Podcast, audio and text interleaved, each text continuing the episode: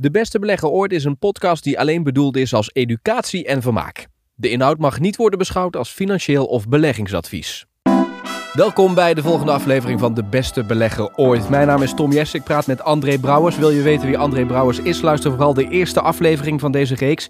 We gaan het in deze aflevering hebben. Wat doet u als het aandeel daalt? De hoopcyclus ook wel uh, genoemd. Dat is een mooie titel, uh, André. Wat bedoel je met de hoopcyclus? Ja, nou dat, dat, dat komt eigenlijk voort uit het feit dat ik uh, mensen probeerde uh, ervan te overtuigen dat het vooral gaat om de vraag: wat doet u als het daalt? En um, ja, laten we even, stel jij gaat beleggen, Tom, en jij neemt een beslissing. Je hebt de beslissing genomen dat je een bepaald aandeel gaat kopen. Nou, de reden dat jij dat aandeel gaat kopen is omdat jij daar een bepaalde verwachting daaromtrent hebt. Namelijk, je denkt dat het gaat stijgen, dat aandeel, of dat het bedrijf het goed gaat doen en dat daarom het aandeel goed gaat stijgen. Dat is trouwens ook zijn ook, oh, trouwens ook twee verschillende werelden. Hè? De wereld van het aandeel en de wereld van het bedrijf van dat aandeel. Daar gaan we het een andere keer misschien over hebben. Nu, jij neemt die beslissing, jij koopt een aandeel en het aandeel gaat uh, stijgen. Nou, dat is hartstikke fijn. Maar stel je eens voor, Tom, uh, jij koopt een aandeel en het aandeel daalt. Wat voor gevoel geeft dat? In eerste instantie. Gewoon kloten. de eerste primaire... primaire wat? Verdomme, ja? kloten. Ah, Oké, okay. ja, we houden netjes, Tom. Ja. Ik zeg het wel eens, dat is een soort shit gevoel, toch? De eerste, ja. de eerste oerkreet is shit. Ja. Of ook al heb ik dit, hè, bij wijze van. Nou, oké, okay, het aandeel daalt. En jij roept shit. Maar eh, hoe hard jij ook shit roept, het aandeel daalt verder. Denk je dat het zou kunnen? Ja, tuurlijk. Oké, ik heb het meegemaakt wel eens. Ja, oké. Okay, nou, je hebt het meegemaakt. Mooi. Wat komt er na shit? Wat voor gevoel uh, komt dan? Nou ja, dan ga je natuurlijk dan ga je zitten denken van, oh, het gaat nu daalt het eventjes, maar op de lange termijn komt gaat het, het wel omhoog. Ja. ja, je gaat het rationaliseren. Ja. Je komt met feiten en je gaat het nog eens bedenken en zeggen, het komt allemaal goed. Oké, okay. ik zeg wel eens, na shit komt nog meer shit. Maar ja. uh, uh, uh, in dit geval denk ik dat je terechtkomt in de fase van het hoop. Het eerste wat wij als mens gaan doen is, je gaat hopen dat het weer weer gaat stijgen. Het komt wel goed. Je, je praat jezelf een beetje hoop in. Er was ooit iemand die zei tegen mij: hoop is, uit, is, is wat zei hij nou ook weer? Uitgestelde teleurstelling of zoiets. Ja. Maar goed, jij gaat hopen. Precies. Jij gaat hopen. Um, maar ondanks het harde hopen van jou daalt de koers verder. Wat ga je daarna doen? Na hopen. Ja, dan wordt het een beetje wanhopen, hè? Op een nee, dat komt pas veel later. Ja. Wat je gaat doen bij hopen is, ik zeg wel eens, je gaat eerst de fase krijgen van het bijhopen. Je gaat gewoon nog harder hopen dat het nee, goed komt. Hè? Ja. Na, na dat bijhopen krijg je de fase van het bijkopen. Dat is namelijk heel grappig. Als je namelijk gaat bijkopen op een lagere koers, dan is de mentale pijn die jij krijgt van het nemen van die beslissing. Precies, het is goedkoper. Dus je denkt, oh, dat, nu profiteer ik. Ja, ik doe het goed. Ik, ik, ik profiteer nu. Ja, letterlijk, dat is mooi. Die had ik niet zo bedacht. Maar je profiteert nu. Hè? Dus, maar je poetst eigenlijk die pijn weg in je hoofd. Dus je denkt dan, ik koop bij. En ja, dat bijkopen, dat geeft een lekker gevoel eventjes. Maar ja, uh, jij koopt bij, vergroot daarmee je risico. Hè?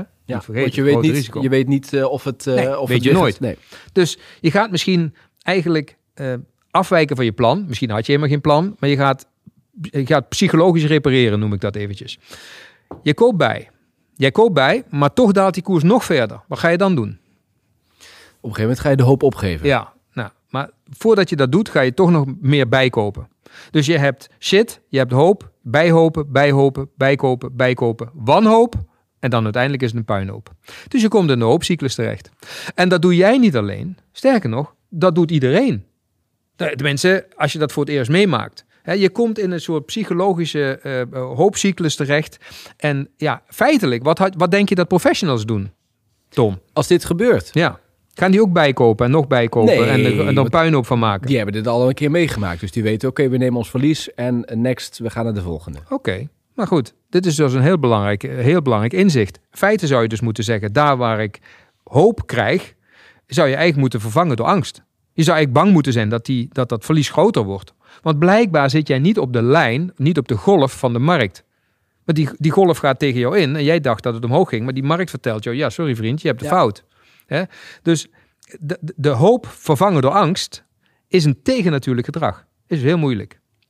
Als je in de winst komt, wat krijgen we dan? Nou, wat je vaak ziet is dat mensen dan zeggen: Ja, ik heb winst. Ja, ik, uh, ja als je nou net die verlies gehad hebt. Stel, stel je een voorbeeld: je hebt drie keer achter elkaar een verlies gehad. De vierde keer kom je met die transactie kom je in de winst. Wat doe je dan? Dan heb je weer de, de winning mood. Dan ga je... ja, ja, ja, ja, dat kan. Maar wat ik vaak zie is dat mensen dan snel die winst nemen. Dan zeggen ze: Nou, dat is lekker, dat is binnen. Hè? Maar wat je dan eigenlijk doet, is dan, dan stapel je eigenlijk grote verliezen en kleine winsten. Nou, om dat spel winnend uiteindelijk af te sluiten, hè, dus kleine, kleine winsten en grote, grote verliezen. Nou, zelfs als je van de tien keer het, het, het, het zeven keer goed ziet, maar je hebt zeven keer een kleine winst, maar drie keer een groot verlies, dan verlies je alsnog het spel, toch? Ja, ja, ja. Ja, dus wat je moet snappen is, je moet dan om te beginnen voor jezelf weten, eh, hoe goed ben ik eigenlijk? Hoe vaak van de tien keer, hoe vaak score ik eigenlijk? Doe ik het zeven keer goed of drie keer of, of zes keer goed of vijf keer goed of vier keer goed? Dat is de hitratio, daar moet je iets van weten. Ik heb het nu over handel. Ehm, dat is één. Maar het belangrijkste is dat je moet snappen dat als je kleine winstjes stapelt, hè, dat is eigenlijk angst dat de winst weggaat, terwijl je eigenlijk de hoop moet hebben dat die winst groter wordt. Hè, let your profits run. En cut your losses short. Dat is eigenlijk wat het zou moeten zijn. Hè? Dus ga mee met de trend. Zolang als die trend stijgt, nou, moet je hopen dat meer wordt. Meer dan dat kun je niet doen. Ja. En als het fout gaat, ja, dan moet je eigenlijk zo snel mogelijk ingrijpen. Ja. Maar we doen van nature precies het tegenovergestelde. Dus bij de hoopcyclus moet je eigenlijk angst hebben. En bij de angstcyclus moet je eigenlijk hoop hebben. Exact, maar eigenlijk moet je ook zeggen, je moet eigenlijk geen hoop hebben. Je moet eigenlijk die angst vooral hebben, want dat is de motor ervoor dat je de juiste beslissing Nou, maakt. zeker in zo'n situatie. Maar wat ik probeer te zeggen, je moet, ehm, je moet zo'n winst ook durven te laten lopen. En dat is, ja, dat is, dat is best lastig hoor. Tenminste, ik vind dat nog steeds lastig. Hmm. Op een gegeven moment als je een bepaalde winst hebt, je denkt, ja, maar die, die winst kan morgen weer weg zijn. Dat is toch een gevoel wat je dan op dat moment kunt hebben. Ja. Nou, de enige manier waarop je dat soort dingen kunt tackelen, is van tevoren gewoon een plan maken. Gewoon met jezelf afspreken van, oké, ik stap hierin. Als ik zoveel verlies heb, stap ik uit. En als ik zoveel winst heb, stap ik ook uit. Maakt het spelletje een enorm stuk overzichtelijker en veel makkelijker. En je dus ook aan houden. Dus niet Ja, zeggen van, oké, maak nou, nu komt het, nou komt het belangrijkste. Het is niet alleen een kwestie van een plan hebben, maar het is nog veel belangrijker om je dan aan dat plan te houden. Ja, want bij- bij verlies kan ik me voorstellen, is het makkelijk om te zeggen, ik hou me aan het plan. Maar als je in de winning... Nou, ehm, nou, verlies nemen is niet voor iedereen even makkelijk hoor.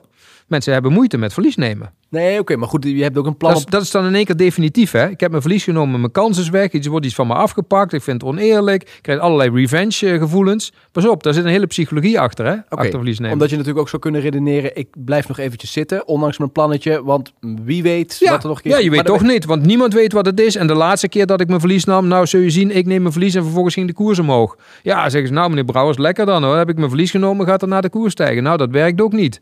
Nou, wacht even. Gaan we even de, de- iets te gechargeerd nu. Dus u zegt me nu dat u geen verlies hoeft te nemen. Nee, ja, nee. Ik zeg, wat denkt u nou echt? Ga nou eens, dan zijn het vaak ook nog ondernemers. Heb ik de laatste keer gehad, eh, Tom. Dat is misschien wel grappig om even te vertellen. Ik heb een keer te maken gehad met een, eh, met een meneer die was enorm eh, goed in de kaashandel. Dat was een van de grotere eh, kaasboeren van Nederland, om het maar even simpel te zeggen. En die meneer die kwam, eh, die kwam binnen eh, in een training. En eh, nou, ik, ik, ik rook al een beetje, niet letterlijk, maar ik rook een beetje. Denk dat die man heeft handelsbloed. Hè, gewoon handelsgeest. Ja, soms zie je dat aan mensen. Ik vond het wel heel grappig. En eh, hij was met zijn zoon. En we zaten in die, in die cursusgroep. En ehm, nou, ik zei tegen meneer, ik zeg, volgens mij komt u uit de handel. Ja, ja, zegt hij, ik, eh, ik, eh, ik zit in de kaas. Ik zeg, oké, interessant, leuk. En ik zeg, u doet ook al wat een aandelen? Ja. Ik zeg, hoe lang al? Ja, twee maanden nu. En ik heb eh Getronics gekocht. Nou, hij is alweer een tijdje terug. Getronics gekocht. Zeg, oh, Getronics. Nou, dat was een aandeel op de beurs. Dat was populair op dat moment. Maar dat zat op een gegeven moment boekhoudfraude. En dat is helemaal fout gegaan met Getronics. Uiteindelijk is dat eh, helemaal misgegaan. Zwarte zwaan dus. Nou, ja, maar, maar dat was er eentje in, in meerdere episodes. Maar in ieder geval, ehm, die meneer die had stellig de overtuiging dat die Getronics... Ja, ik heb eh, zo en zoveel Getronics gekocht. Ik zei, nou, dat is een stevige portie. Ik zeg maar, wat verwacht u? Ja, dat gaat gewoon weer stijgen. Ik zeg, ja, ik zeg maar, wat, wat, denk, wat denkt u ook dat het zou kunnen dalen? Nee, dat kan niet en het is goedkoop. En eh, nou, weet je wel, een heel verhaal. Ik zeg, oké.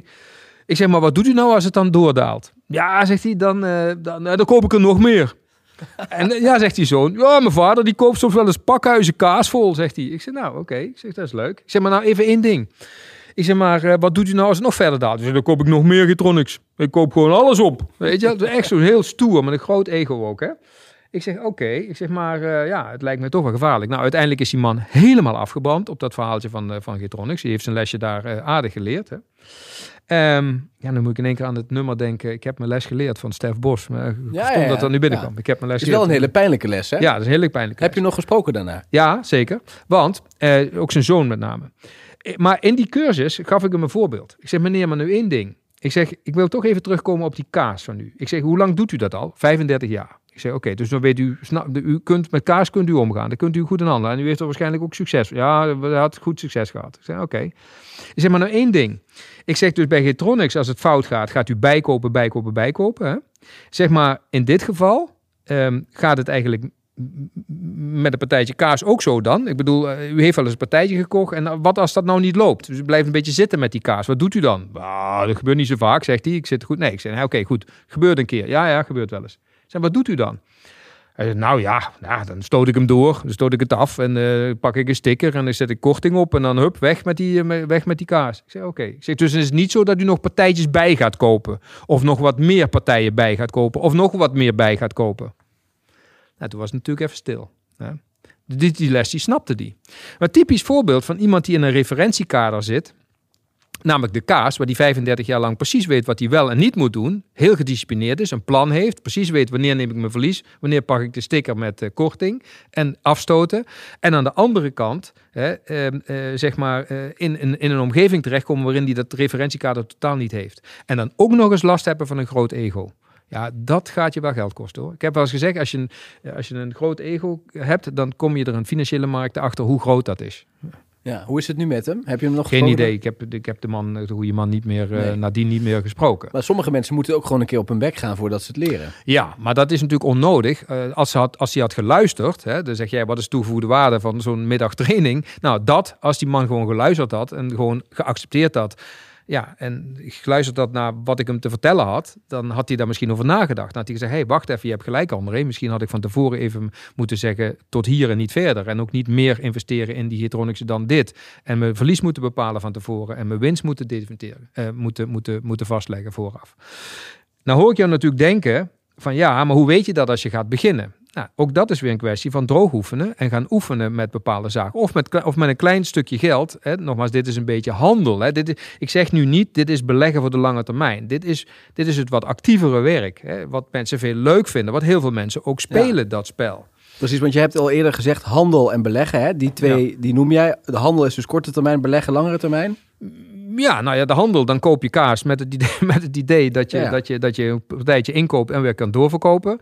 Ja, ik zou bijna zeggen, ja, bij kaas is dat wat lastig, maar een kaas beleggen wordt lastig. Hè? Je kunt zeggen, ja, koop een kaas en ik laat hem twee jaar rijpen en ja, dan okay, verkoop ik ook op de, op de beurs kun je dus ook handelen en die twee die kunnen naast elkaar bestaan. Ja, zeker. Dat, maar dat dan krijg je een beetje uh, Jekyll en Hyde verhaal. Hè? Word je natuurlijk wel redelijk schizofreen uh, gedrag vertonen. Want aan de ene kant moet je denken als een handelaar. Dat is anders dan denken als een ja. belegger. Okay, en een belegger met korting bijvoorbeeld. Hè? Als een aandeel flink gedaald is, dan moet een belegger die zegt, uh, ik wil opbouwen, die moet zeggen, ik krijg korting, ik koop bij. Maar een handelaar, als dat niet onderdeel van zijn plan is, die mag nooit bijkopen. Nee. Die moet, die moet afhakken en zijn kapitaal beschermen. Ja. Dat is iets heel anders. Exact. Daar moeten we het in een volgende podcast nog een keer over hebben om dat verschil goed uit te leggen. Uh, over ego is een karaktereigenschap hebben we het in een vorige podcast gehad. En ook over hoe maak je nou zo'n plan. Uh, en dat droog oefenen wat jij noemde, hoe hmm. gaat dat in zijn werk? Luister vooral andere podcasts, eerdere podcasts, want daar, daar wordt het in uh, uitgelegd. Nog eventjes conclusie van deze podcast. de, de hoopcyclus met ja. daar hoop versus angst. Wat is daar belangrijk om bij te onthouden? Ja, ik heb al gezegd, hopen is verkopen. Gauw als je merkt dat je gaat hopen, eh, dan is het waarschijnlijk een teken dat je fout zit. En dan is het beter om de beslissing te nemen, afstoten en opnieuw beginnen. Oké. Okay. André, dank weer voor deze aflevering. Ja. De beste belegger ooit, een podcast over beleggen. Uh, stuur uh, je vragen naar podcastapenstaatje beleggingsinstituut.nl. Je kunt je abonneren op deze podcastreeks of een review achterlaten. Beveel hem ook aan aan andere mensen die dit interessant vinden. Bedankt voor het luisteren en tot de volgende keer.